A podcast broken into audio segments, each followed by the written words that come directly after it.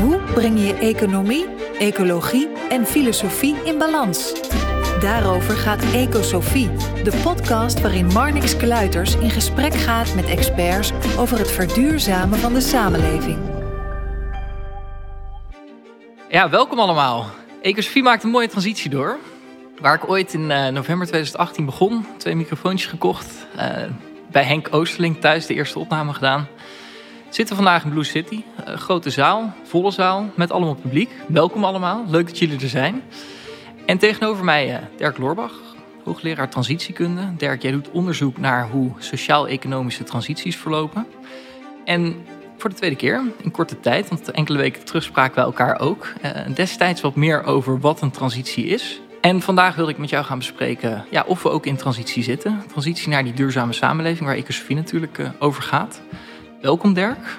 Beetje zin in? Jazeker. Leuk om hier te zijn. Ja, en Iets, iets andere setting dan de vorige keer. En ik hoop dat je een goed verhaal hebt. Want de mensen mogen jou straks ook nog even aan de tand voelen na afloop van dit gesprek. Want Zeker. De, microfoon gaat dadelijk rond uh, voor vragen. Ja. Om te beginnen. Vorige keer hebben we het gehad over uh, ja, wat een transitie is. Lijkt me toch goed om dat nog even te benoemen. Dat begrip transitiekunde in de wetenschap, wat houdt het precies in? Ja, de wetenschappelijke definitie is eigenlijk dat een transitie een fundamentele systeemovergang is van het ene naar het andere dynamische evenwicht. En dat is altijd een schoksgewijs proces. Dat zijn een heleboel ingewikkelde woorden bij elkaar. Maar de korte samenvatting is: het is een hele chaotische overgangsfase. Dan is de vraag of we ons daar nu in bevinden. En de vorige keer heb je eigenlijk op een hele mooie manier ook uitgelegd dat daar eigenlijk drie krachten aan onderhevig zijn die vervolgens op elkaar in gaan werken. Welke drie krachten zijn dat? Kijk, transitie is een begrip wat in heel veel wetenschappelijke disciplines bestaat. Maar het gaat eigenlijk altijd over drie op elkaar inwerkende uh, krachten inderdaad. De eerste is dat dynamisch evenwicht zelf. Dus in een maatschappelijk stelsel, uh, context, een organisatie, een, een sector, een gebied... ontwikkelen we met elkaar een regime. Zo noemen we dat dan. Een, een gedeelde manier van denken, werken en organiseren. Eigenlijk zoals we gewend zijn geraakt dat dingen zijn. En daar leven we eigenlijk in, dus de context waarin we leven. En we zijn als mensen continu bezig om die context te verbeteren, efficiënter te maken, te optimaliseren. Uh, dat gaat alleen na verloop van tijd steeds lastiger. Dan kan je eigenlijk niet het nog efficiënter gaan doen. En dan ontstaat er vaak een soort interne spanning. Dus dat is de eerste kracht die ontstaat. We noemen dat dan lock-in. Uh, maar eigenlijk het bestaande begint vast te lopen en dat begint steeds ongemakkelijker te voelen. Dan is er een tweede factor en dat is eigenlijk de omgeving. De omgeving verandert. Uh, we, we, vergrijzen als samenleving, er komt digitalisering, we beginnen ons zorgen te maken over het klimaat. En die, die omgevingsdruk, die draagt eigenlijk dan weer bij, of die versterkt eigenlijk die spanningen binnen dat regime. We kunnen straks naar voorbeelden gaan. De derde factor is dat mensen, sommigen in ieder geval, ook heel creatief zijn. En die gaan andere dingen bedenken. Dus die stappen eigenlijk uit dat regime en die gaan zich echt anders gedragen. Of die uh, komen met een nieuwe technologie of een, uh, een nieuw businessmodel. Of die uh, gaan gewoon iets heel anders organiseren. Dat noemen wij dan niches. Maar dat zijn eigenlijk de alternatieven die gaandeweg steeds meer gaan concurreren. En een transitie is eigenlijk het proces als die drie krachten op elkaar inwerken en zo'n regime uit evenwicht duwen. En dat gebeurt dan vaak schoksgewijs, in ieder geval niet lineair. Nou ja, de en... meeste mensen verzetten zich tegen dat soort veranderd druk. Daardoor ontstaan eigenlijk de schokken. Ja, want het wordt heel lang tegengehouden. Er was laatst ook weer een vleestaks in het nieuws. Vindt iedereen volstrekt belachelijk. Nou, niet iedereen. Nee, niet iedereen. Maar ik, ik zit sinds kort op Twitter en dan hoor je toch allerlei reacties voorbij komen waarvan ik dan denk van nou, dit is precies de weerstand uh, waar jij het nu volgens mij over hebt. Ja. Toch dat schoksgewijze, dat is wel interessant. Als we nou echt een grote schok pakken, hè, dan hebben we volgens mij in, uh, wat was het, in 2019 de uitspraak van de Raad van State waarmee het uh, programma aanpak stikstofbeleid van het kabinet werd teruggefloten. Ja. En dat was nogal heftig, want nou, die stikstofuitstoot was veel te hoog. En door die uitspraak stonden eigenlijk in één klap 18.000 projecten op de tocht. Als je het over schoksgewijs hebt, was de impact uh, destijds gigantisch. En ik geloof dat er nu weer in het nieuws was dat um, de boekhoudkundige trucs nog steeds niet helemaal klaar zijn. Dus dat er misschien binnenkort weer een schok aankomt. Ja. Is dat dan zo, precies zo'n schok waar je op doelt, die jij net ook noemt uit die wetenschappelijke definitie? Nou ja, wij, wij hebben het dan vaak over verwachte verrassingen. Dus het zijn, uh, het zijn incidenten, uh, maar dat op zich is geen transitie. dus het, we zeggen verwachte verrassingen, omdat we ook wetenschappelijk al zeker 40 jaar weten dat er een stikstofprobleem is. En dat we een voedselsysteem hebben, een mobiliteitssysteem, industrie die allerlei emissies veroorzaakt die enorm negatief op onze leefomgeving uitwerken. En stikstof is er daar één van. Er zijn rapporten over geschreven, eh, commissies over geweest. Dus de beleidsmakers weten het ook al heel lang. En de respons was de hele tijd om, om inderdaad met de cijfers een beetje te sjoemelen of te goochelen. Nou, dat is eh, niet heel veel anders dan Volkswagen deed met de, de emissiecijfers van, uh, van dieselauto's. Ja, en dan komt er op een gegeven moment zo'n uitspraak. En dat is een incident. Ehm, maar de vraag is heel erg, van, eh, als, als transitieonderzoeker, ja, wat veroorzaakt die schok nu? Veroorzaakt dat nu echt een transitie? Dus wordt echt een systeem uit evenwicht geslagen? Of is dat systeem misschien zo veerkrachtig dat het weer terugzakt in het oude evenwicht? Nou, en eigenlijk zie je bij die stikstofuitspraken dat uh, de politiek vooral nog bezig is om, om het opnieuw te dempen. Nou, dat patroon hebben we eerlijk gezegd uh, met corona uh, op macroschaal gezien. En we zien het nu met de hoge gasprijzen opnieuw. Dus het zijn allerlei schokken die duidelijk een symptoom zijn van transitiedruk die ontstaat. maar die voorlopig nog niet echt tot het uit evenwicht slaan van van het huidige economisch model leiden. Ja, want de kern van het probleem is dat eigenlijk bij alles speelt dat het onvolhoudbaar is. Hè? Nou ja, dat onderzoeken we dus, maar dat is ook wel iets wat, wat, wat lastig is. Hè. Ecologen die hebben bijvoorbeeld over planetary boundaries. Die kijken dan naar eigenlijk de ecologische grenzen. Hè. We hebben net het eh, IPCC-rapport eh, weer kunnen lezen. Tenminste, 2.500 pagina's. Dus, uh, maar de kernboodschap is eigenlijk die anderhalve graden die begint uit zicht te raken. En die anderhalve graden was nog een, het punt waarvan de wetenschappers zeggen... dan, dan uh, hebben we met 50% zekerheid een soort stabiele toekomst. Maar dat is, ja, daar zitten we nu tegenaan. En we zien ook allemaal schokken uh, wel. Tegelijkertijd zijn heel veel maatschappelijke systemen en processen die, die die klimaatverandering veroorzaken, die, zijn nog, die, die draaien alleen nog maar door. De laatste tien jaar zijn de emissies hoger dan ooit. Dus er is, gaat iets fundamenteel mis tussen uh, de constatering dat we een probleem hebben. En dit is toch wel een vrij existentieel probleem, zou je zeggen. Uh, en de respons. Dus ja, onze analyse is: er zijn allerlei tekenen dat we op een ontwikkelspoor zitten wat onvolhoudbaar is, wat, wat niet zo door kan gaan. Er zijn allerlei signalen dat we uit evenwicht beginnen te raken, maar echte transitie is het nog niet. Nee, en als we het nog even terugpakken op stikstof dan, dan dat begon dus al 40 jaar geleden, zei jij. Dan weten we al dat het eigenlijk niet volhoudbaar was.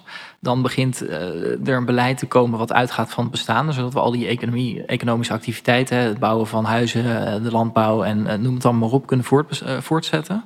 Dat was rond 2010 geloof ik dat het programma aanpak stikstof bedacht werd. Ja. Ja, wat dus toen ook al ontstond als, als een truc om nog door te kunnen met het bestaande. Ja, maar vervolgens zie je dus wel dat er iemand naar de rechter stapt. Johan Vollebroek die zegt, ja, dit kan helemaal niet, past niet. En de Raad van State geeft hem daarin gelijk. Is dan dat naar de rechter stappen van die club, van er was een activistische club die daarachter zat, is, is dat ook een teken dat die omgevingsfactoren om, of omgevingsfactoren dat die veranderen? Of hoe moeten we dat dan plaatsen?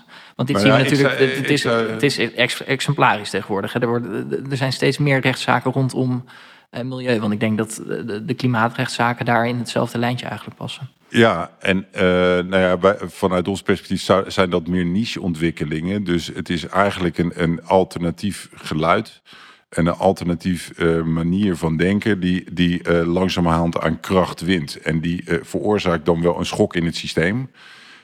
Ja, ik weet niet, dat, dus de omgevingsfactor is eigenlijk het maatschappelijk bewustzijn wat toeneemt rond duurzaamheidsproblemen. En het kan zo niet langer doorgaan. En daar mobiliseert zich dan, en hij niet voor niets mobilization for the environment. dat, dat mobiliseert dus een onderstroom aan mensen die um, eh, een groeiende kracht eigenlijk ontwikkelen. Collega Flora Avelino die heeft altijd over transformatieve macht. Dus je hebt gewoon de instituties en de politiek die beslissingen kunnen nemen. Maar vanuit die niches ontstaat uh, een, een, meer disruptieve of transformatieve macht. Um, ja, en het, het, fascinerende is natuurlijk in die, die stikstofzaak dat gewoon het recht, wat eigenlijk onderdeel zou moeten zijn van het regime. Ehm, want dat is iets wat we met z'n allen hebben afgesproken, wat eigenlijk neutraal eh, is. Dat wordt ingezet eh, tegen datzelfde regime, namelijk de politiek en, en eh, de instituties die dat representeert. En ja, dan zie je eigenlijk iets wat we historisch in transities ook zien gebeuren. Dat de mensen die onderdeel zijn van die regimes, die historisch vaak uh, uh, ontstaan zijn omdat er een, een ander probleem opgelost moest worden. Als je het over het voedselsysteem bijvoorbeeld hebt, we hadden hongersnood. Toen is er een transitie ontstaan naar een voedselsysteem wat ervoor heeft gezorgd dat we nooit meer honger hebben, dat we uh, aan obesitas lijden, bij wijze van spreken. Maar dat creëert weer een nieuw probleem. Maar dat, doordat mensen zo vergroeid zijn met dat systeem, kunnen ze eigenlijk er niet meer los van komen. En ja, ontstaat er ook echt een, een, rare situatie dat dus uh, juridisch gezien het systeem dysfunctioneert, wetenschappelijk dysfunctioneert het, maar politiek en ambtelijk uh, doet men er alles aan om het in stand te houden. Ja, dan komen we weer op die mooie quote van Einstein uit, die ik weer vergeten ben, de vorige keer in het interview ook al. Zou je die nog een keer kunnen herhalen? Wat was het ook weer? Nou, dat je de problemen niet kan oplossen met de manier van denken die ze veroorzaakt heeft. Ja, en dat is ook gerelateerd aan de mensen die aan de knoppen draaien natuurlijk. Dus dat je dan uiteindelijk misschien wel gewoon andere mensen nodig hebt. Wat ik wel interessant vind, want jij stelt nu eigenlijk hè, dat die regimes, um, ja, dat die uitgaan van het bestaan, dat die dat bestaan aan het optimaliseren zijn, dat het dus uiteindelijk ook niet werkt. Dat zien we ook met die uitspraak. Dus dat ja, je kunt een boekhoudkundige truc verzinnen, maar dat werkt dus uiteindelijk niet. Die onderstroom neemt toe, dat zijn denk ik ook die maatschappelijke ontwikkelingen. Maar vervolgens komen, we ook bij die alternatieven, denk ik. Want ja, als de hele boel stilstaat, dat werkt natuurlijk ook niet. Dus dan is het ook fijn als er andere mensen met andere ideeën komen, waar dan ook de ruimte voor komt, volgens mij. Maar dan moeten we eerst nog een andere stap maken. Want die stikstofcasus is natuurlijk interessant. Dat geeft aan dat uitgaan van bestaande niet meer werkt. Maar stikstof aan zich is natuurlijk net zoals het klimaatprobleem geen regime. Dan moeten we kijken naar bijvoorbeeld de voedselsector of de mobiliteitssector, toch? Wat, wat zijn voorbeelden van regimes verder? Nou ja, je, je, noemt voedsel, dus landbouw of de bouw of de mobiliteit. Dat zijn uh, sectoren, maar eigenlijk zit regime overal. Ik wil wel benadrukken dat mensen associëren regime vaak met uh, grote bedrijven of de overheid. Maar in principe zijn we allemaal onderdeel van regime. Dus in transitieonderzoek kijken we bijvoorbeeld naar het voedselsysteem. Um, dus dat gaat eigenlijk over hoe we in de samenleving voedsel produceren en consumeren en hoe we dat georganiseerd hebben. Dus dat gaat ook over de productie, maar het gaat ook over de ketens, het gaat over de winkels, het gaat over uh, hoe we onze publieke ruimte tot een snackbar hebben uh, gemaakt. Het gaat over uh, de BTW-discussies, waar leg je wel en niet accijns op, maar het gaat ook over hoe eten wij, wat is onze eetcultuur. Dat is allemaal regime dat concept kun je dus op, op heel veel dingen toepassen. Want ook binnen mijn universiteit zitten, er zijn, hè, daar, we zijn goed in economie uh, en, en bedrijfskunde en daar studenten in opleiden. Maar wel volgens een bepaald soort logica, met een bepaald soort idee over wat economie is en, en wat een goede econoom is. Dus daar zit ook regime in. En als je naar, op het voedselsysteem toepast, ja, dan hebben we dus historisch een, een regime uh, ontwikkeld met elkaar, wat heel erg gericht is op productie, zoveel mogelijk produceren tegen zo laag mogelijke prijzen, met zoveel mogelijk volumes uh, voor een internationale export. En in delen van die landbouw is dat ook nog eens gegaan met uh, goedkoop aardgas, wat we uit Groningen, in Groningen uit de grond haalden. En dus vooral in de glastuinbouw, maar ook in andere delen. Waarbij het dus ook, hè, want de overheid samen met kennisinstellingen en de industrie bouwde dat systeem van productie. Ja, dan wil je ook dat er zoveel mogelijk geconsumeerd wordt. Want dan gaat dat systeem goed draaien. Dus erbij hoort ook allerlei beleid wat, wat gestimuleerd heeft dat wij zoveel mogelijk keuzevrijheid hebben en zo goedkoop mogelijk overal voedsel kunnen krijgen. Daar zijn we ook aan gewend geraakt natuurlijk als consumenten, dus wij doen daar vrolijk aan mee. Ja, en dat is in Amerika natuurlijk helemaal met alle large dingen, maar in Nederland zit dat natuurlijk ook gewoon heel dik in. Um, maar dan zit die ver verandering dus op een veel hoger niveau nog, want dat is, niet, dat is ook een bewustzijnsverandering die we dan moeten zien door te maken. Nou, je, had, hè, je, je vroeg me, moeten we de stap maken van het symptoom. We zouden zeggen, stikstof is een symptoom van uh, de manier waarop we dat regime en dat voedselsysteem hebben georganiseerd. Want het bijeffect is uh, stikstofuitstoot, maar is ook ontbossing in, in Amerika of in Zuid-Amerika. het is ook allerlei nou de verzuring door de stikstof. Het is mestproblematiek. Het is de klimaatuitstoot. Er zijn allerlei neven- of bijeffecten, schadelijke externe effecten, zouden economen zeggen, van de manier waarop ons voedselsysteem werkt. Dat, dat zien natuurlijk heel veel mensen. En het interessante van het, van het transitie-idee is dat er individuen opstaan die denken: dit werkt zo niet, dus we moeten het anders gaan doen. En vaak uh, begint dat heel vroegtijdig. Uh, hè, dus dat zijn mensen die in de jaren 80 of 90 al vegetarisch werden, om wat voor reden dan ook. Of producenten die zeggen: ik stap eruit en ik doe niet meer mee aan steeds groter en steeds intensiever en steeds meer hypotheek. ik ga het anders produceren. En dat begint heel alternatief en klein. Uh, maar gaandeweg gaan natuurlijk steeds meer mensen doorhebben dat dit systeem niet werkt. En uh, gaan op zoek naar die alternatieven. Waarmee die weer sterker worden. Ja, want uh, die alternatieven die beginnen eigenlijk vaak een beetje lacherig. Hè? Die echte pioniers, dat zijn echt mensen die ja, ongelooflijk veel respect ook denk ik verdienen. Omdat zij um, inderdaad misschien in de jaren tachtig al veganist waren of niet meer vlogen, et cetera. En echt zichzelf misschien wel buiten het systeem ook plaatsen daarmee.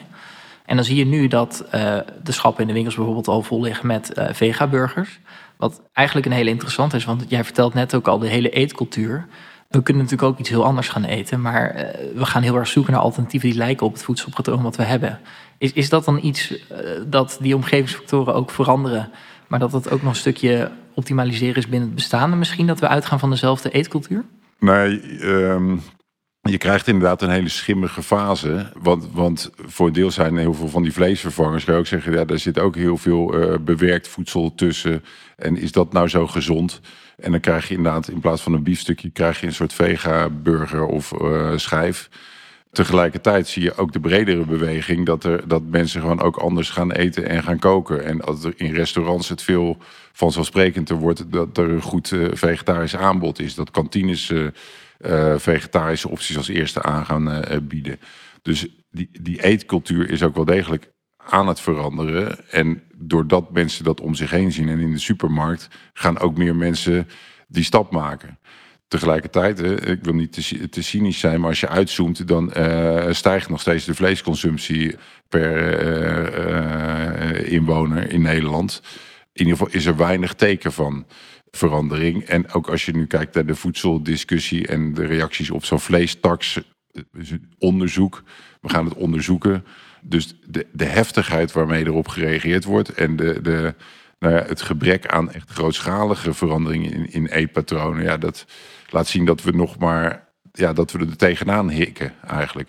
Maar zou je dan zeggen dat we al wel of niet in transitie zitten met die, dat hele voedselsysteem? Want ja, we, zien dus wel dat het niet houdbaar is op zowel stikstofgebied, klimaatgebied. Je noemt de planetaire grens, dat zijn er negen. Nou, het huidige voedselsysteem snijdt zich geloof ik allemaal op, op verschillende manieren. Nou ja, kijk, het, ja, het, het goede antwoord zou zijn uh, te zeggen dat zijn historici in de toekomst die dat kunnen uh, bepalen of we in transitie zitten. Want we zitten midden in uh, deze dynamiek. Ik kan alleen constateren dat het nog geen transitie is, omdat we nog geen nieuw evenwicht hebben gevonden wat duurzaam is. En duurzaam dan niet alleen in de zin van ecologisch duurzaam, maar iets wat, wat weer decennia mee kan. En dat kan er ook één zijn waarin er uh, structurele voedselschaarste is. Er zijn allerlei voorbeelden van transities die behoorlijk slecht aflopen. De Arabische lente uh, als voorbeeld nemen, maar je kan ook allerlei economische transities zien waar de hele sectoren gewoon verdwijnen. Dus we weten dat het Nederlandse voedselproductiesysteem niet toekomstbestendig is in Nederland. Maar dat weten we eigenlijk ook al decennia en het is er nog steeds. Ja, hoe dat gaat verdwijnen en, en wat dan het alternatief is, of wat daar al dan niet voor terugkomt, ja, dat, dat, valt, dat valt heel lastig te voorspellen. Maar er is, is ook, als je naar stikstof kijkt, er is nog nauwelijks een vergunning ingetrokken. Er is nog nauwelijks een, een, een boer onteigend. Dus de overheid weigert gewoon om een soort uh, nou ja, gerechtelijke, zelfs gerechtelijke uitspraak van de Hoge Raad uh, om te zetten in actie. We blijven polderen, weer een onderzoek doen. En, en dat is eigenlijk uitstel van transitie. Dus dan, dan gaat het straks met massale uh, uh, opstanden, onrusten. Uh, ja, en dus we zitten eigenlijk nog steeds in die fase van dat optimaliseren van het bestaande, waardoor die schok dadelijk waarschijnlijk veel groter wordt, omdat dit niet nou houdbaar is. Ook, ook, dat is weer toekomst uh, voorspellen. Misschien raken we Hosanna verlicht en komt er een soort uh, uh, visionair leiderschap wat iedereen naar de uitgang begeleidt. En we gaan allemaal, weet ik veel, huizen isoleren met. nou ja, ik, ik, er is van alles mogelijk. Maar de historische les en ook vanuit de, het inzicht in, in systeemdynamiek en complexe systeemdynamiek is inderdaad hoe langer je transitie voor je uitschuift, hoe hoger de druk, de spanning uh, uh, onderhuids oploopt en hoe groter de ontlading. En als we het nou over uh, nog even een andere kaas aanhalen, want we willen toch ook een beetje kijken wat er gebeurt in de samenleving momenteel. En ik vind die schokeffecten eigenlijk heel interessant. Dan zien we dat de spanning bij het ABP, het groot pensioenfonds eh, van onder andere de leraren, et cetera, ehm, dat daar de spanning ook behoorlijk toenam. Uh, die stemde helemaal niet mee eigenlijk met de klimaatresolutie van uh, Follow This op de aandeelhoudersvergaderingen van Shell, et cetera, om duurzamer beleid af te dwingen. En onder druk van um, de groep Fossielvrij NL besloten zij vorig jaar toch te zeggen: we gaan per begin 2023 is het geloof ik dat ze er dan grotendeels uit willen zijn. Onze investeringen in fossiele brandstoffen eruit gooien. Dat is ook wel iets wat ineens schoksgewijs gaat. Want niet heel, ja, je kan zeggen, nog een beetje afgebouwd in een jaar tijd. Maar het ging als een schokgolf door de, de, hele maatschappij heen. En ook wel een beetje met het idee van, ja, misschien dat het ook niet meer zo verstandig is om in fossiel te investeren. Want overheden gaan ook ingrijpen. Maar hoe moeten we dat plaatsen? Uh, ja, dat zijn, er waren collega's van mij betrokken bij uh, het opzetten van de ABP fossielvrij. Uh, vrij, van, van nabij gevolgd. Ja, dat is er ook wel een proces van tien jaar geweest. Ehm, waarbij je ziet dat die omgeving verandert. Dus die divestmentbeweging is een mondiale beweging. Ehm, waarbij ook allerlei overheidsinstellingen en, en universitaire instellingen, kerken, die, die stap aan het maken zijn. Ja, en in zo'n context kan je dus een partij uit dat regime isoleren en eigenlijk uh, heel specifiek gaan targeten tot het moment dat, ze, uh, dat er ook iets anders gebeurt. En, en je benoemt dat al, dat uh, investeren in fossiel en je geld in fossiel hebben, wordt ook steeds risicovoller. Dus uiteindelijk is de combinatie van externe druk en een soort intern, interne risicoafweging die ze zelf hebben gemaakt. En dan gaat het vervolgens nog heel traag, uh, moet ik zeggen. Waar dan het dan, ja, op zich is dat een mooie overwinning natuurlijk. Dat ze, uh, het gaat over 5 miljard geloof ik, wat ze in fossiel hebben zitten, wat daar uitgetrokken wordt. wat ook weer niet zo heel veel voorstelt. Waar het echt om gaat, en dat is het volgende gevecht, is dat het, de investeringslogica, de beleggingslogica van ABP, dus dat is eigenlijk het regime binnen de financiële sector volledig uh, geënt is geraakt op korte termijn risicobeheersing en uh, de rendementen die gemaakt kunnen worden met de beleggingen. En die leiden eigenlijk altijd tot investeringen die op extractie gebaseerd zijn. Dus er moet continu een verdienmodel zijn en er moet continu 10 of meer procent rendement gehaald worden. Nou kunnen zij het wat spreiden, maar dat. Dus ja, fossiel is belangrijk. Maar de belangrijke schok is eigenlijk dat het intern de discussie op scherp heeft gezet over hoe kunnen we nou überhaupt onze hele portfolio verschuiven naar ja, een, een, een pensioen wat steun verleent aan de opbouw van, van een duurzame economie die niet op extractie gebaseerd is. Ja, dat is eigenlijk heel bijzonder. Hè? Zeker voor pensioenbeleggers die beleggen voor mensen die nog 30, 40, 50, 60 jaar rond moeten lopen op deze aarde. Eh, om dan te beleggen in korte termijn, korte termijn projecten. Ja, en de hele logica, en ik heb wel eens discussies met ze, kijk, is, is natuurlijk dat je dan aan het eind van je carrière uh, geld krijgt. Maar ze, ze, ze zijn dus geld aan het genereren, nog even los van, van hoe dat gaat, want dat is vooral voor huidige pensioenen en, en ze sparen helemaal niet voor de toekomst. Maar het is gebaseerd op het idee dat we een huidige uh, markt en economie hebben die er uh, over 30, 40, 50 jaar ook nog is. En ik hoorde Sandra Philippe van de ABN eh, zeggen: ja, op deze manier hebben we straks geen economie meer. Dus ik, ik zeg dan tegen ze: beleg dat geld, steek dat in uh, uh, duurzame vormen van voedselproductie, in duurzame energiesystemen, in een goede woonomgeving, zodat ik gewoon later droog zit en het licht aan kan doen. Ik hoef dan geen geld te hebben. Maar ja, dat is niet. Ja, want als we die wetten hier willen toepassen, je hebt het huidige regime, regime dat zit dus heel erg op, op het korte termijn denken, zeg jij. Op korte termijn rendement maken, zodat we de huidige pensioenen kunnen betalen. Um, dan zien we dat die onderstroom, de maatschappelijke, ja, de omgevingsfactoren, dat die toenemen. Dus dat er clubs ontstaan zoals fossielvrij, van zo werkt het niet. Dat dat dus uiteindelijk ook zijn effect heeft. Maar ook de alternatieven, zijn dat dan gewoon de duurzame investeringen die jij net al noemt? Nou ja, je ziet in, in die financiële wereld sowieso enorm interessante transitiebeweging gaande. Ook rond pensioenen. Dan heb je broodfondsen, dus collectieven van ZZP's die met elkaar sparen. Of, of pensioen- en, en uh, zorgvoorzieningen bouwen. In bredere zin is er in het financiële systeem echt een beweging gaande naar anders waarderen, anders investeren. Ja, we zitten hier in Blue City, dat is een voorbeeld ervan. Door een impact-investeerder opgericht om iets mogelijk te maken. Wat eigenlijk, nou ja, ik weet het meer, wat nog niet heel veel geld genereert, maar wel heel veel impact en ondernemerschap dus er zitten hier nu 30, eh, 40 ondernemers, waarvan een aantal weer uit, hier uitgegroeid zijn. Die allemaal in de circulaire economie op een nieuwe manier ondernemerschap aan het definiëren zijn. En dat sociaal ondernemerschap, dat, dat gaat ook gewoon over ondernemerschap. Dus er moet ook gewoon eh, een business case in zitten. Je moet gewoon ook een, een, een, een loon uit kunnen halen en mensen aan het werk uh, hebben. Maar de waarde die, eh, die gecreëerd wordt, die is veel meer ecologisch of sociaal. De beweging in de financiële wereld is om uh, te kijken hoe kan je dat nou met eenzelfde financiële logica veel groter maken. Dus niet de financiële logica toegepast op met geld meer geld maken, maar met geld uh, ecologisch en sociaal rendement maken. En ja, bijvoorbeeld bij de accountants is er ook een hele internationale beweging gaande rond, uh, dat noemen ze capitals accounting. Maar bedrijven in kaart brengen uh, in hoeverre ze ecologisch en sociaal nou ja, negatief, maar ook positief rendement maken. En overheden zijn dan weer bezig om dat te gaan bestraffen of belonen. Ja, dat is wat Peter Bakker, de voormalige CEO van TNT, ook zegt. Hè? Eigenlijk, de, de accountant kan de wereld redden.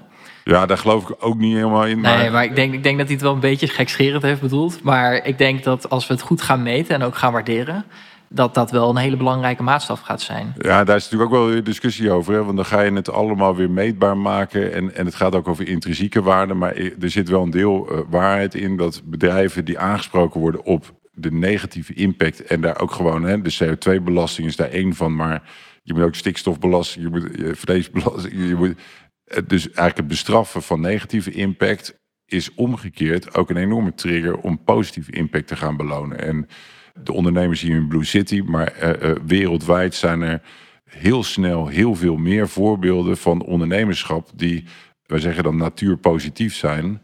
Dus die netto een positieve bijdrage aan de ecologie en biodiversiteitsherstel leveren. En ook nog werkgelegenheid en, en uh, gezonde voeding bijvoorbeeld. Ja, en die zullen we eigenlijk moeten omarmen. En dat, dat moet de nieuwe norm zijn. Dus als we het dan over transitie hebben, dan is het wat mij betreft de verschuiving daarheen.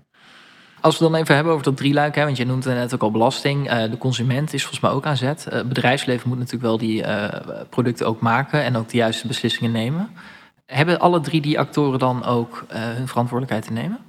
Ja, alleen wij, wij denken, bij ons heet het dan weer multi-actor perspectief. De overheid, de consument, eh, de markt, die bestaan natuurlijk niet. Dat zijn entiteiten. Dus wij kijken veel meer naar hoe individuen eigenlijk vanuit hun verschillende rollen van invloed zijn op die transities. want wij zijn allemaal uh, overheid, uh, markt en commons of gemeenschap. dus we zijn allemaal iemand zijn dochter, zoon, broer, vriend, partner. Uh, we zitten in verenigingen. We, we, dus we doen dat, dat noemen ze de commons. Hè, dus we, we, verenigen ons en we doen sociale dingen. We zijn ook gewoon uh, kiezer. Uh, sommige mensen zijn ambtenaar. We kunnen inspreken, dus we nemen ook deel aan beleid. We zijn ook onderdeel van de overheid. En we zijn consument. Hè, dus we geven geld uit, we investeren, we kopen iets. Eigenlijk kan je in al die domeinen kan je het verschil maken. En het interessante is, uh, wij kijken heel veel naar, naar sociaal ondernemerschap, sociale innovatie. Dat wordt de overheden vaak als, als burgerinitiatief of burgerparticipatie geframed. Uh, maar de meest interessante bewegingen zijn eigenlijk waarin uh, mensen gebruikmakend van die verschillende identiteiten die ze hebben, uh, iets, iets nieuws aan het creëren zijn, wat echt ja, transformatief is, zeggen wij dan. Dus iets wat echt anders is. Je ziet het hier, uh, nogmaals in Blue City, dat zijn allemaal mensen die en ondernemers zijn, maar ze doen het ook omdat ze als burger zich zorgen maken om uh, de aarde. Ze zijn uh, dus ondernemers, dat is markt, maar ze zetten zich ook in voor de publieke zaak. Ze organiseren zich ook als collectief. Ze proberen de, de gemeente te bewerken. Dus dat is wat betreft verantwoordelijkheid nemen. Ja, dat zou eigenlijk iedereen moeten doen. Dus we zouden eigenlijk massaal op zoek moeten zijn naar hoe verschuiven we die norm en doen we het fundamenteel anders. De, de werkelijkheid is natuurlijk dat de meeste mensen zitten ook gewoon wel met andere dingen dan die transitie in hun hoofd. En, en uh, doen gewoon hun ding. En, en zijn daar al druk genoeg mee. Maar dat is, als je uitzoomt, wel juist de manier waarop die inertie ontstaat. Als iedereen gewoon zijn ding blijft doen, krijg je meer van hetzelfde. Kom je toch weer terug bij Einstein. Volgens mij, jij noemt net de norm. Hè? En het verschuiven van die norm geeft volgens mij ook wel redelijk goed aan of je dus toch wel of niet in die transitie naar een duurzame samenleving zit. Je noemt net ook een heel aantal uh, zaken die spelen. Je hebt natuurlijk hier de ondernemers die toch op een radicaal andere manier ondernemen. Wat meer vanuit zoeken naar gat in de maatschappij, volgens mij, dan zoeken naar gat in de markt. We hebben natuurlijk een eh, Partij voor de Dieren wat opkomt uh, sinds 2002, dacht ik. Maar dat is ook een radicaal andere manier van kijken naar uh, het hele systeem. want dan kom je op het hele groeiverhaal uit waar je net al aan raakte. We zien Roger Cox, die eigenlijk het hele recht op zijn kop heeft gezet... met eerst de klimaatzaak bij Urgenda en vervolgens Shell... ook voor de rechter afgelopen jaar nog heeft uitgedaagd en gewonnen. Dat zijn natuurlijk wel allemaal facetten dat ja, het wel aan het veranderen is vanuit die verschillende hoedanigheden het verschuiven van die norm, is, is dat dan wel plaats aan het vinden richting die duurzame samenleving? We zitten er misschien nog niet helemaal. En ook een beetje richting ja, toch die vraag die ik aan het begin stelde. Zit, zitten we in transitie naar die duurzame samenleving? En dan ga jij natuurlijk weer zeggen dat het dan historisch van de toekomst is. Maar vind ik toch een beetje flauw. Dus ik ben toch wel benieuwd wat je ervan vindt. Nou ja, we zitten natuurlijk midden in transitie. Uh, als, als, als dat uh, is wat je wil horen, ja, nou ja. Eh, eh, kijk, ik, ik, ik, zie wel heel erg, eh, dus ik ben het heel erg met je eens. Je noemt nu een aantal voorbeelden, maar, maar je kan op, op legio andere, de prijsontwikkeling van duurzaam, de hoeveelheid ondernemers en maatschappelijke initiatieven die, die echt op een andere manier de, de, de duurzame energie omarmen, met, met voedsel anders bezig zijn. Steden die wereldwijd anders. de publieke ruimte aan het inrichten zijn op, op groen en, en op fietsen. Dus uh, ja, er is een enorme beweging eh, gaande. Uh, je ziet ook die mentale verschuiving, dus de bewustwording over de problemen die we hebben en de urgentie die gevoeld wordt om er iets aan te doen, is ook in vergelijking met 20 jaar geleden enorm toegenomen. Ja, en wij noemen dat voorontwikkeling. Dus dit zijn allemaal bewegingen die voorsorteren op uh, die meer structurele verschuivingen in de samenleving. En structureel is dan uiteindelijk toch ook gewoon institutioneel. dus de, er moet ook op uh, politiek en beleidsmatig niveau uh, moet die normverandering die maatschappelijk plaatsvindt, die moet zich vertalen in andere regels. En daar, daar zitten we nu eigenlijk tegenaan te hikken. En als je naar historische transities kijkt, dan zitten we nu tegen de, de belangrijkste fase van 10, 15 jaar aan te hikken. En ik denk Europa loopt in die zin voorop, want die hebben echt een, een institutionele veranderagenda al. Ons kabinet heeft dat veel minder. Eh, ik weet ook niet of het daar vandaan moet komen. Ik zie op, lokaal niveau uh, zie hier en daar het wel ontstaan. Maar ja, we zitten eh, duidelijk in een, een patroon waarin we uit evenwicht zijn geraakt en, en niet meer terug naar dat oude evenwicht gaan. Maar ja, gaan we het nu ook echt uh, in, in de komende tien jaar naar een nieuw evenwicht brengen? Of, of wordt het nog veel langer onrustig en leidt het tot een structurele uh, vorm van, van onzekerheid? Ja, want dat is wat jij eigenlijk aanhaalde met de Arabische lente bijvoorbeeld. Waar die transitie ook heel erg gewenst was, maar nog niet per se de goede uitkomst heeft bereikt. Dan is dus de vraag of het nou gewenste transitie was. Maar dat was heel lang uh, uh, in de Arabische landen een, de, meer dictatoriale regimes die, die de rust bewaarden. Maar dus ook die spanning onderdrukte. Zodra zich dat ontladen, en dat begon in Tunesië, maar als een domino-proces ging dat door, door de, al die landen heen. Ja, als je kijkt wat er in Syrië gebeurt, het is, dat is gewoon al tien jaar drama. Ja, en dan kunnen we hier stoppen met dat dat ook zo kan aflopen met de transitie richting een duurzame samenleving. Dat het nee, zo gaan we niet stoppen. Nee, want volgens mij heb je ook best wel ideeën over waar we naartoe moeten en wat belangrijk is. En er zitten mensen in de zaal natuurlijk, dus volgens mij kunnen die ook best wel meegeven hoe we nou kunnen zorgen dat die transitie en echt goed op gang komt. En nou ook de goede kant op gaat. Dan ga ik even als, als, als onderzoeker zeggen dat de, de, onze hypothese is dus dat we uh, eigenlijk nu terecht zijn gekomen in die chaotische, turbulente overgangsfase. Dus dat de komende tien jaar de institutionele ruimte, zouden wij dan zeggen, de transitieruimte maximaal is. Je weet ook dat allerlei gevestigde belangen dan gaan proberen om uh, te remmen en om het naar hun hand te zetten. Wat wij denken is, op basis van alles wat we hebben zien ontstaan in die niches, is er de potentie om uh, naar een economisch model en een economische toekomst uh, toe te gaan. En eigenlijk al heel snel die natuurpositief is. En uh, ik ben dit jaar bij de, eh, de architectuurbiennale betrokken. Daar proberen we eigenlijk in te zetten op vijf radicale transities die we zichtbaar willen maken. En wat bedoelen we daarmee? Eigenlijk kan het al. Het vraagt alleen wat enorme verbeeldingskracht, maar ook een enorme mobilisatie om het op schaal te krijgen. Uh, wat kan er dan al? We kunnen op wijk en op gemeenschapsniveau heel veel zelf organiseren en zelf produceren. Van energie tot mobiliteit, tot voedsel, tot de gebouwde omgeving. Uh, dus uh, wat kan je allemaal in de commons doen? Heel veel goede voorbeelden, dat moet op schaal komen. Tweede, uh, stedelijke mobiliteitssystemen zonder eigen auto's. Dus met 80% minder auto's, veel goedkoper, slimmer, fossielvrije mobiliteitssystemen. Uh, in combinatie met je stad anders inrichten. Ja, eigenlijk alle auto's die gewoon stilstaande deur uit doen. Uh, dat is één, maar de meeste tijd van de, ja, dat we die auto's rijden, zitten we in ons eentje in. Uh, heel energieonhandig, zou ik maar zeggen. Alles wat we uh, nieuw bouwen moet natuurpositief zijn. Dus moet met biobased materialen, moet CO2 opslaan, maar moet ook groene oplossingen bieden.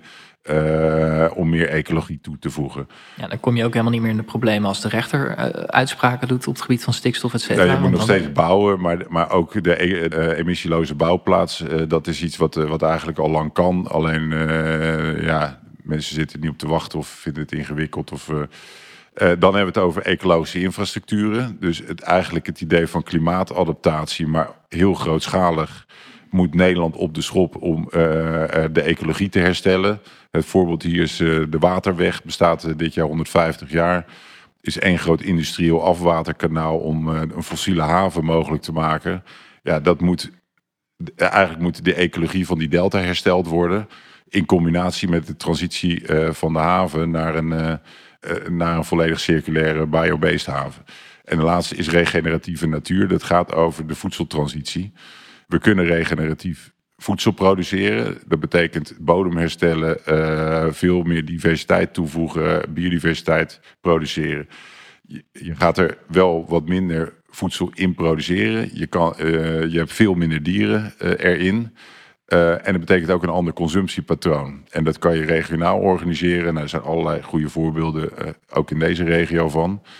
Ja, dit zijn vijf transities die gaan over hoe we wonen, hoe we ons verplaatsen, hoe we eten en, en de energie die we gebruiken technisch kan het allemaal. We zien dat het sociaal uit kan.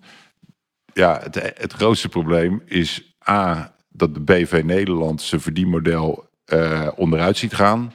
En B, dat het voor heel veel mensen nog iets is wat ze niet zo goed kennen en waar ze, wat ze alternatief vinden en wat ze nog niet goed begrijpen. Ja, dus onze hoop en inzet zit erin. Het kan, ja, en het momentum is daar om het de komende tien jaar echt op schaal te gaan brengen. Ja, en ook te laten zien dat het bestaat, denk ik. Hè? Want dat mag ook best wel beter naar boven komen dan. Ja, nou ja en, en, dan een andere filosoof die zei: je, je gaat het zien als je het door hebt. Uh, sommige mensen weten dat het Kruif was. In plaats van één jaar Feyenoord maar, was de beste voetballer van de wereld geworden. Ja, um, Maar het, het ingewikkelde of het, het fascinerende ook is dat heel veel van die duurzame, radicale alternatieven, die zijn ook minder zichtbaar omdat ze minder problemen veroorzaken. Dus als jij gewoon eh, op je fietsje gaat, dan veroorzaak je een stuk minder problemen dan als je in de file staat. En, dat heeft, en datzelfde geldt voor die regeneratieve eh, producent die geen stikstof veroorzaakt. Het gekke is dat we in Nederland dus allemaal systemen hebben opgetuigd om rondom die problemen, die gaan we dan onderzoeken en dan gaan we de beleidsprogramma's oplossen. Dus gaat, en het trekt eigenlijk alle aandacht weg van wat al lang kan, maar wat dus eigenlijk veel minder zichtbaar is en veel minder oplevert in economische zin. En nou zeg jij, eigenlijk kan het allemaal wel, die duurzame samenleving. Om hem af te sluiten, hoe belangrijk is het ook dat we erin gaan geloven dat het kan? Nou ja, dat is. Uh, ging, uh, eerder gingen die vanavond ergens over design thinking. Kijk, uiteindelijk is vooruitgang, zeggen niet voor niets vooruitgangsgeloof. Dit kan, wat ik, wat ik aangeef, op kleine schaal. Maar hoe dat op maatschappelijke schaal gaat werken en hoe we daar komen, ja, dat is iets wat je alleen ontdekt door het te gaan doen. En we worden geregeerd door mensen die, die uh, alleen maar denken vanuit haalbaar en betaalbaar en vanuit het bestaande. Wat kunnen we zo, met zoveel mogelijk controle en, en met zoveel mogelijk zekerheid aan verbetering toevoegen? Ja, en dat houdt ons eigenlijk gevangen in het bestaande. Dus dat, ja, of dat dan geloof is, maar het is eigenlijk wat een ondernemer doet. Die heeft een soort idee en een intuïtie en die gaat het uitproberen en dan, dan ontdek je het vanzelf. Dus wat we vooral nodig hebben is dat we massaal op ontdekkingsreis gaan uh, naar die radicale transities. Ja, en dat is denk ik een mooie afsluiting om het interview of mijn vraag aan jou af te sluiten, Dirk. Dankjewel voor je tijd weer. En de ruimte geven aan de zaal om jou nog even vragen te stellen. Tenzij die zo uh, onder de indruk zijn, zijn van jouw verhaal. Zijn in slaap gevallen? Nee. Nou, volgens mij niet. hey, laten wij even draaien. Dan kunnen we wat meer de zaal inkijken.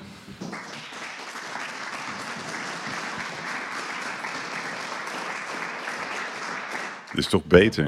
Ik was jullie bijna vergeten. Ja, dit is een heel rare eh, setting eigenlijk, uh, Marnix. Ja, nee, ik zie nog steeds niemand zitten. Dus. Voor jou maakt het allemaal niet uit. Eh. Nee, helemaal gevuld tot aan de nok, dacht ik. De eerste rij is, ik bedoel, het is net uh, de ja. collegezaal. Nou, Guus gaat als het goed is rond met de microfoon. Yes. Jij bent er? Ik ben er. Heb jij mensen gevonden die uh, nog vragen hebben voor Dirk? Zeker, ik sta er nu naast eentje. En misschien wel leuk om even te vertellen wie je bent, wat je doet en wat je vragen is dan uiteraard. Ah, ik ben uh, David Teuvenet. Um, wij zijn uh, onderdeel van 7 Billion Presidents en we bouwen een nieuwe economie.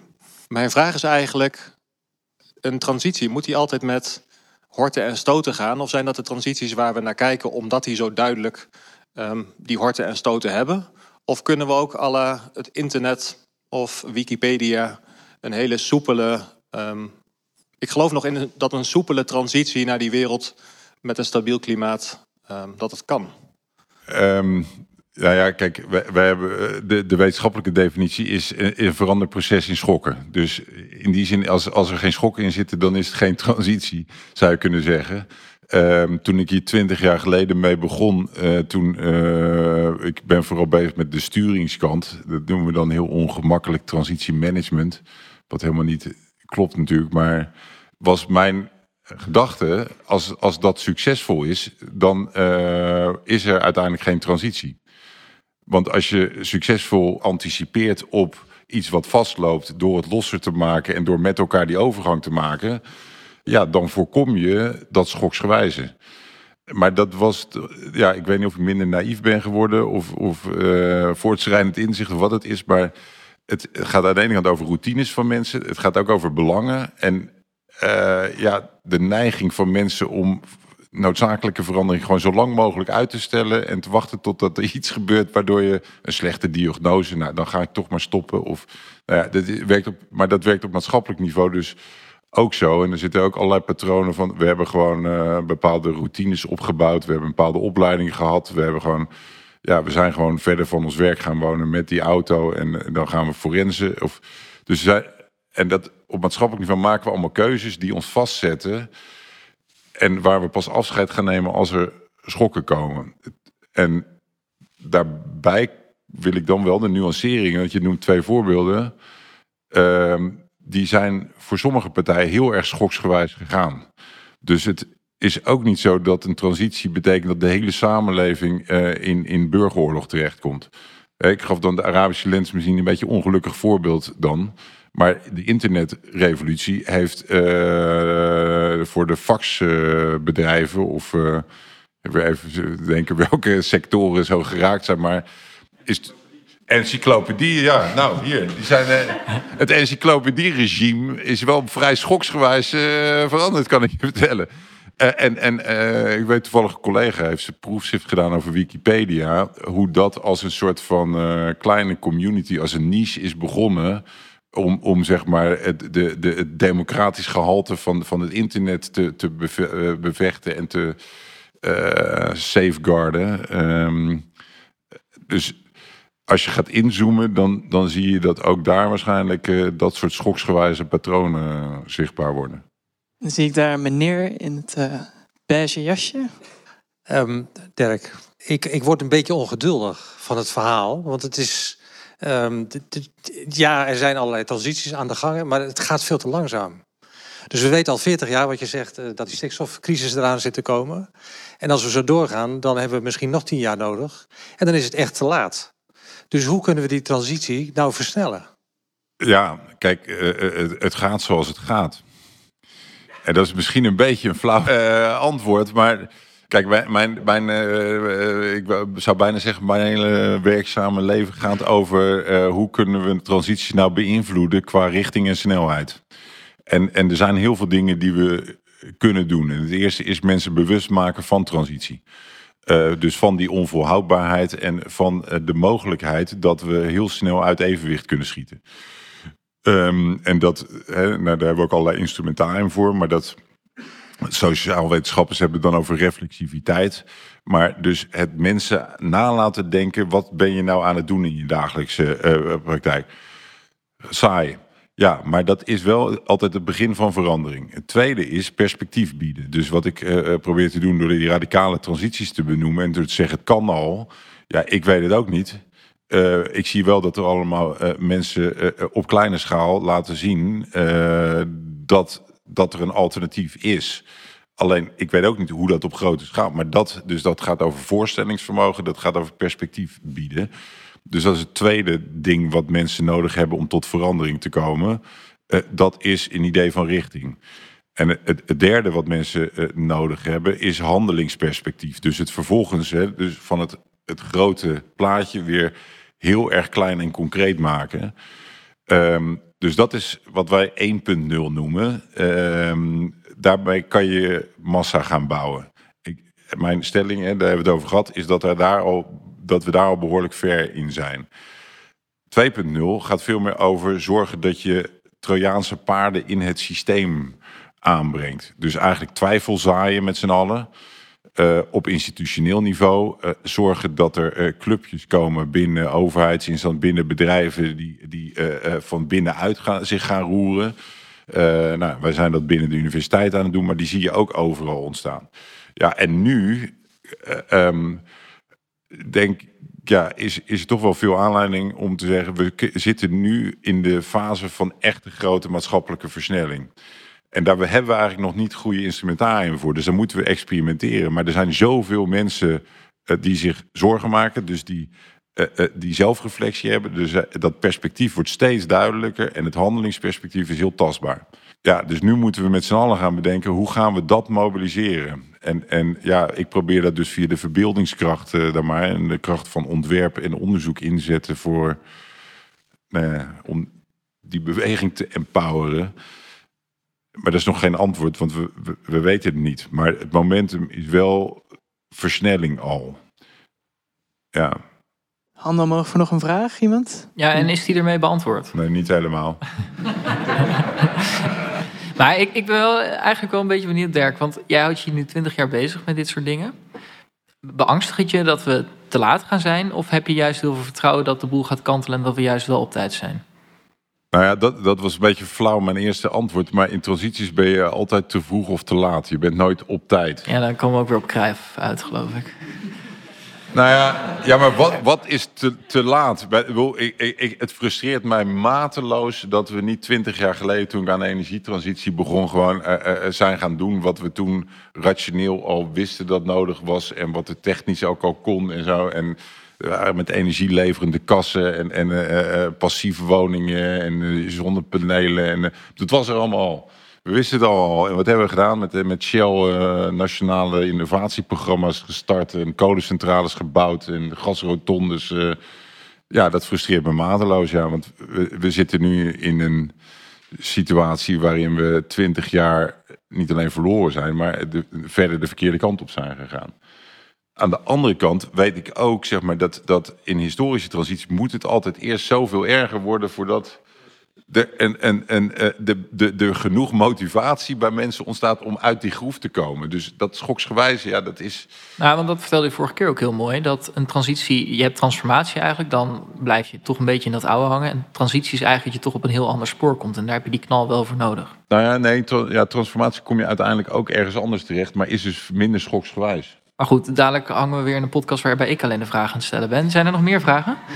Ja, heel veel. Ik zal kortere antwoorden geven. Misschien een dame deze keer? Ja, volgens Joris Leijndijk moeten we daar ook aan werken. Oh, Wel opvallend veel mannen in de zaal, eh Marnix. Waarom citeer je nou weer een man die dat zegt? Ja, mijn, mijn lijst met gasten is ook volledig vol zevenvinkers. Jij hebt denk ik ook zeven vinkers. Hoezo? Louise Vet. Ja, ik heb dat is, zeker dat is de zeven. Ja, ik weet niet wat ze ja, allemaal maar als- zijn, maar Als ik, ik heb alles mee. ja. Nou, ik heb gemiddeld heel veel eh, quotes van vrouwen gehoord vanavond van jou, Dirk. Dus eh. I noticed. En volgens mij ook nog best wel wat vrouwen in de zaal.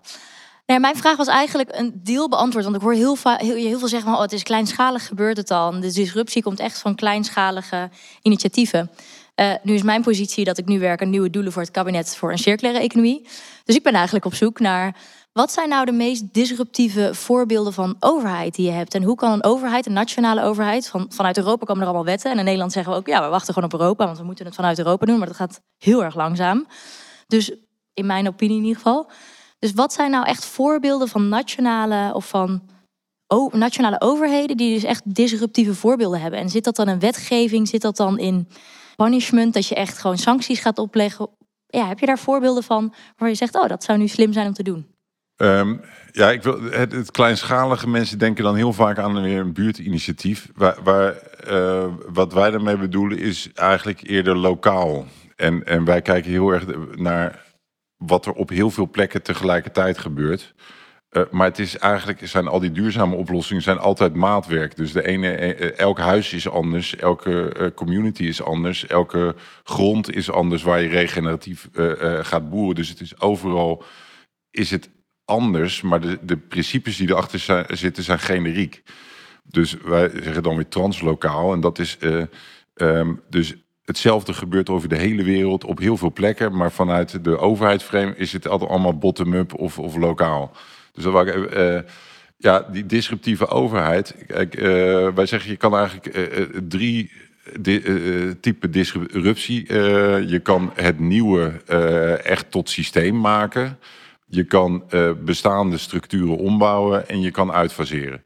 En ik moet wel gelijk denken aan Duitse voorbeeld. Ik weet niet waarom, maar die hebben feed-in tarief erin. Eh, dus die hebben eigenlijk gezegd: we gaan ehm, eh, mensen belonen voor de productie van duurzame energie, ongelimiteerd.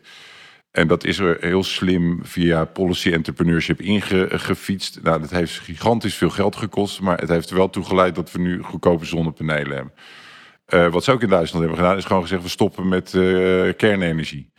Ehm, daar hebben ze toen ook, net als bij het AWP, politieke momentum en een eh, kernramp voor eh, gebruikt. Maar die hebben dus eigenlijk momentum gebruikt om te zeggen: we gaan er nu mee stoppen. Hè, zoals in Nederland de overheid met corona had moeten zeggen: we stoppen met de sierteelt. En we, zoals ze nu hadden moet, moeten zeggen, of misschien nog moeten zeggen: we stoppen met de glastuinbouw in Nederland. Dat is gewoon het momentum grijpen in plaats van wat ze nu doen. eh. en het derde, en dat is de minst sexy, eh, maar is eigenlijk het ombouwen van eh, wet en regelgeving. Ehm, en dat gaat eigenlijk over het internaliseren van prijzen. Dat gaat over het veranderen van aanbestedingsregels. Ehm, dat gaat over het verschuiven van belasting van grondstoffen naar arbeid. Naar de, dus de, en dat is eigenlijk het meest saaie ambtelijke werk misschien wel, maar dat is uiteindelijk eh, eh, het meest transformatieve. Dus als je dat geleidelijk kan doen, dan schuif je de hele, ja, kan je een hele sector opschuiven. Maar dat moet je dan dus wel doen vanuit een soort lange termijn perspectief van transitie. Daar zijn ze bang voor, voor die X-tax en de true price. Dat is, als je daar, dat is een beetje schel in de kerk bijna soms. Ja, en tegelijkertijd, ik was laatst bij het CPB, eh, mocht ik verhaal, bij Jong CPB, die bestaan al vijf jaar. En eh, daar was dat echt niet meer een eh, rare discussie. Hè, dus dat is ook een voorbeeld waar dat begint van buiten als een niche. Dat is een andere manier van denken en er ontstaan al andere discussie. En dat begint ook gewoon binnen het regime eh, binnen te komen. Het is wel tijd voor nog een vraag. Eh, Erwin Niederveld. Laatst ben ik wat vaker in gesprek geraakt met iemand, een ondernemer, die eh, vanuit gecombineerde leefstijl- leefstijlinterventies probeert preventie en vitaliteit te bevorderen. In Nederland geven we 9,3 miljard uit aan dementie bijvoorbeeld. Ehm, en, en we hebben een dubbele vergrijzing en een groene druk. Nou, dat zijn gigantische eh, ehm, ja, spanningen die ontstaan. Zou je dat typeren als een transitievraagstuk? En zo ja, ehm, hoe kijk je dan aan tegen de zorgsector om die naar een, noem het even, vitaliteitssector eh om zou moeten?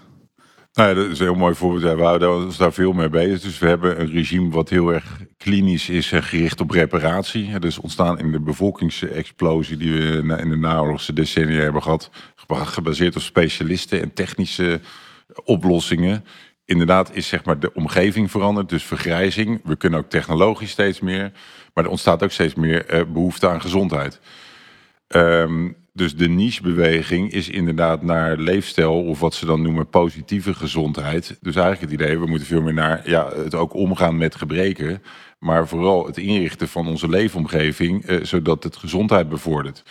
Eh, terwijl we nu inderdaad, je kan overal snacken. eh, je kan, eh, de, luchtkwaliteit is slecht. de woningen zijn vaak slecht. dus ongezond, ongezond leven is ook het verdienmodel van de BV Nederland. Ja, dat moet dus ook verschuiven. En die transitiebeweging is wel op allerlei niveaus gaande. En dat is wel eentje die door corona ook echt een versnelling heeft gekregen. Gewoon gezondheid, gezonde leefomgeving, gezonde voeding. Ja. En, wat zou je dan als tip nog kunnen meegeven? En ik weet dat het natuurlijk een meervoudig vraagstuk, maar wat voor tips zou je dan kunnen meegeven aan eh, ondernemers, sociale ondernemers die juist in die niche eh, aan de slag willen, terwijl eh, de gevestigde partijen zeggen nee, dat is vrijwilligerswerk. Kijk, wat je dus in andere sectoren ziet, je gaat je, er moet een soort organisatie ontstaan om zelf markt te maken. Want het feit dat dit, dit bewustzijn ontstaat, betekent dat er markt ontstaat in de zin van vraag. Maar hoe je die bedient en hoe je daarvoor beloond wordt, ja, daar, moet je, daar, daar heb je ondernemerschap voor nodig. Ja, dus ik, ik kan wel voorbeelden geven van, van partijen die dat doen. En ik zie ook de experimenten. Gisteren hoorde ik weer van die huisarts die door de zorgverzekeraar eigenlijk beloond wordt of meer tijd krijgt eh, eh, voor zijn consulten. eh, waardoor het aantal doorverwijzingen echt drastisch afneemt. waardoor de zorgkosten omlaag gaan. En daar krijgt hij voor betaald. Nou dat is een voorbeeld van hoe een huisarts een verdienmodel uitvindt. Nou, ik geloof dat de gezondheidsindustrie inmiddels ook al behoorlijk groot is. Eh, uiteindelijk gaat het natuurlijk om hoe, hoe krijg je eh, de waarde van een gezonde leefomgeving ook terug bij degene die erin moeten investeren om die huizen te verduurzamen, gezond te maken. En ja, dat, uiteindelijk heb je daar de overheid toch wel weer voor nodig, vrees ik. Dankjewel. Zal ik er daarachter nog een paar? Hoi, mijn naam is Fons Jansen. Ik ben eh, de Nederlandse coördinator van het Europese Klimaatpact, het sociale innovatieprogramma van de Green Deal. En je noemde al eh Jong CPB dat zij hè, wel misschien bepaalde concepten normaler vinden.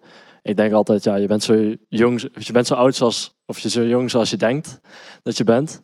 Ehm, welke rol spelen generaties eigenlijk in die transitievraagstukken? Ja, dat is een hele goede. Ja, we zeggen transitie duren één à twee generaties en dat is niet voor niets. Dus het heeft ook wel. En, en de, ja, generatie is natuurlijk ook weer een abstractie, want daar binnen zit inderdaad gewoon ook eh eh, eh, Ik, vrije ik ben van geest. generatie Z, generatie millennial. Ik zit er precies tussenin omdat ik bouwjaar 95 heb. Ja, ik heb medelijden met je, maar dat is. eh, eh, als je er ook nog eens net tussenin zit, eh, die, ik vind die generatie zo ook wel zo. eh, nee.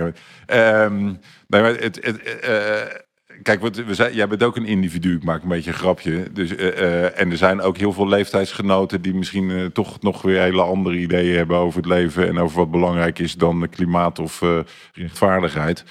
Ehm, maar toch zie je dat er generaties zijn eh, groepen mensen die, om, die opgroeien in eenzelfde soort. nou ja, hè, wij hadden het over omgevingsdruk. In, in, een, in een tijd waarin dezelfde soort macro-signalen spelen. Dus eh, eh, digitalisering, het, het mondiaal bewustzijn, eh, maar ook klimaat en duurzaamheid. En dat, dat, dat vertalen ze in, in een soort van levensdoelen. Ehm, ja, en vervolgens worden hele ja, wordt de generatie opgeleid en komt ook terecht in het en, en bouwt de maatschappelijke structuren vanuit dat bewustzijn. En vergroeien er dus ook mee. Dus worden ook later dan weer onderdeel van het probleem waar nieuwe generaties dan weer tegenaan kunnen schoppen. Ja, je zou hopen dat er ooit verlichte generaties, dus ik hoop dat jullie dit zijn, eh, die een toekomst bouwen die, die gewoon zo flexibel is dat nieuwe generaties het er niet omver hoeven schoppen. Maar goed, dat is, dat, zover zijn we als mensheid nog niet, vrees ik. Ja. Goed. Is er nog tijd voor één laatste vraag? Ik geef hem aan jou. Hoi allemaal, eh, Bram Berkmans, planadviseur bij eh, Waternet in Amsterdam. Ehm, als je kijkt naar eh, gedragsverandering van burgers in een transitie, hoe kun je dan een, hun meest efficiënt incentivizen voor die verandering? Als je kijkt naar een financieel-economische prikkel, en dan bedoel ik dus subsidies, boetes, sancties, beloningen. Hoe zou jij, wat zou jij zeggen is het meest efficiënte eh, middel om hen te prikkelen? Nou, je noemt al een heleboel eh, goede. Er is eigenlijk niet één, die, er is niet een wondermiddel. Ook omdat mensen mensen zijn en, en eh, zich op hele verschillende manieren laten prikkelen. Ehm, het meest onderschatte eh, instrument is eigenlijk het veranderen van de omgeving. Dus de meeste gedragsonderzoek laat zien dat als, als je buurman iets doet, of als iets eh, eh, in de omgeving zo verandert dat je niet meer die, eh, dat die weg wordt afgesloten, dat mensen dan vanzelf een ander hun gedrag gaan aanpassen. Dus het inzetten op gedragsverandering via de band is misschien wel het meest efficiënte. Dus als we nou met z'n allemaal zorgen dat dat, dat en dat vandaar ook mijn idee van verbeelding inzetten en ontwerp, dan maak je zichtbaar dat een heleboel mensen eigenlijk al iets anders aan het doen zijn. En dat creëert dan het gevoel, oh, nou, dat zal ik dan ook maar, eh, ja. Dus het stoppen van de gevestigde orde, zeg je eigenlijk. Waardoor Ja, maar dan dus gevestigde orde. Kijk, gevestigde orde is ook gewoon routine. Dus wat mensen gewend zijn te doen. Dus als je nou, die weg, mobiliteit is altijd een fijne voorbeeld. Want als je gewoon die weg afsluit, dan zijn mensen misschien geïrriteerd, maar ze moeten toch, naar, naar, een- ze moeten toch ergens komen. Dus dan, Nu ga ik toch een beetje sturen, want als je dus toch die eh, financiële prikkel zou zeggen, welke van die vier, vijf zou je dan als meest efficiënt typeren? nou ja, kijk, eh, e- eigenlijk is het meest efficiënt gewoon verbieden. Ehm, alleen overheden lijken dus heel slecht in staat om te verbieden. We hebben op een gegeven moment in, in, in het verleden hebben we een transitie van kolen naar aardgas gemaakt. En daar werd het gewoon gezegd: eh, eh, eh, we ga- u, u mag niet meer in kolen, met kolen stoken, want het was ongezond en eh, slecht voor je. Het was ook om een markt te maken voor die gasfornuizen. Maar dat, dat werkt als een trein. Maar prijzen omhoog gooien, het is, ja, mensen blijven toch gewoon tanken of roken of drinken of eten. Of, eh, ja. En met roken heeft het vrij weinig effect gehad, toch? ja, maar het verbieden in de openbare ruimte Ja. heeft best goed gewerkt, toch? Nou ja, maar dat is waar jullie, waar Jan Robmans ook vaak aanhaalt, dat de sociale norm heel erg verschoven is, toch? Ehm, en dat we in, eh, volgens mij begin 2000 nog rookt in de trein. Ja, en inmiddels zie je dat het nu zelfs de rokershokken verboden worden. Ja, en dan wordt het niet echt aantrekkelijk meer om te roken. Nou ja, er roken dus niet heel veel minder mensen. Hè? Dus dat, eh, heb ik, die discussie heb ik dan ook met Jan. Dus ik, ik weet het niet wat er nou... Dus je zegt dat dat zelfs ook niet effectief geweest is. Nee, maar goed, waar het nu eh, naartoe gaat is natuurlijk dat je het nergens meer kan kopen. Dan wordt het wel, eh, hè, dus dat het niet meer in supermarkten eh, te koop is. Dus Ja, het dus wordt wel steeds daar. Het wordt langzaam naar de mee geloof ik. Het wordt langzaam naar de uitgang geduwd. Ja. Dat is misschien ook goed om de uitgang van dit eh Ja, probeer een interview in te bruggetje te maken. Mooi, heel, goed. Jij, jij, had, jij had het over zichtbaar maken, Dirk. En ehm, wij hebben hier nog een klein presentje voor jou meegenomen. Wat een heel mooi initiatief is. Ehm Guus, jij hebt het als het goed is bij je. Je hebt het ook gehaald. natuurwijn van Remy Poujou. Gehaald bij Blije Natuurwijn is natuurlijk eh, de meest duurzame manier van eh, wijn verbouwen. Eh, tien jaar geleden zag je het nog nergens, nu zie je het overal. Dus het is toch één transitie die ik nog miste in je verhaal. De wijntransitie. De wijntransitie, ja. dat Wordt is heel groot. hele belangrijke. Ja, ja. Ik zal het nooit meer vergeten. En eh, dan kunnen wij nu naar de biertransitie, denk ik. Ja, ja. Laten we transitioneren naar de bar, jongens. Dankjewel.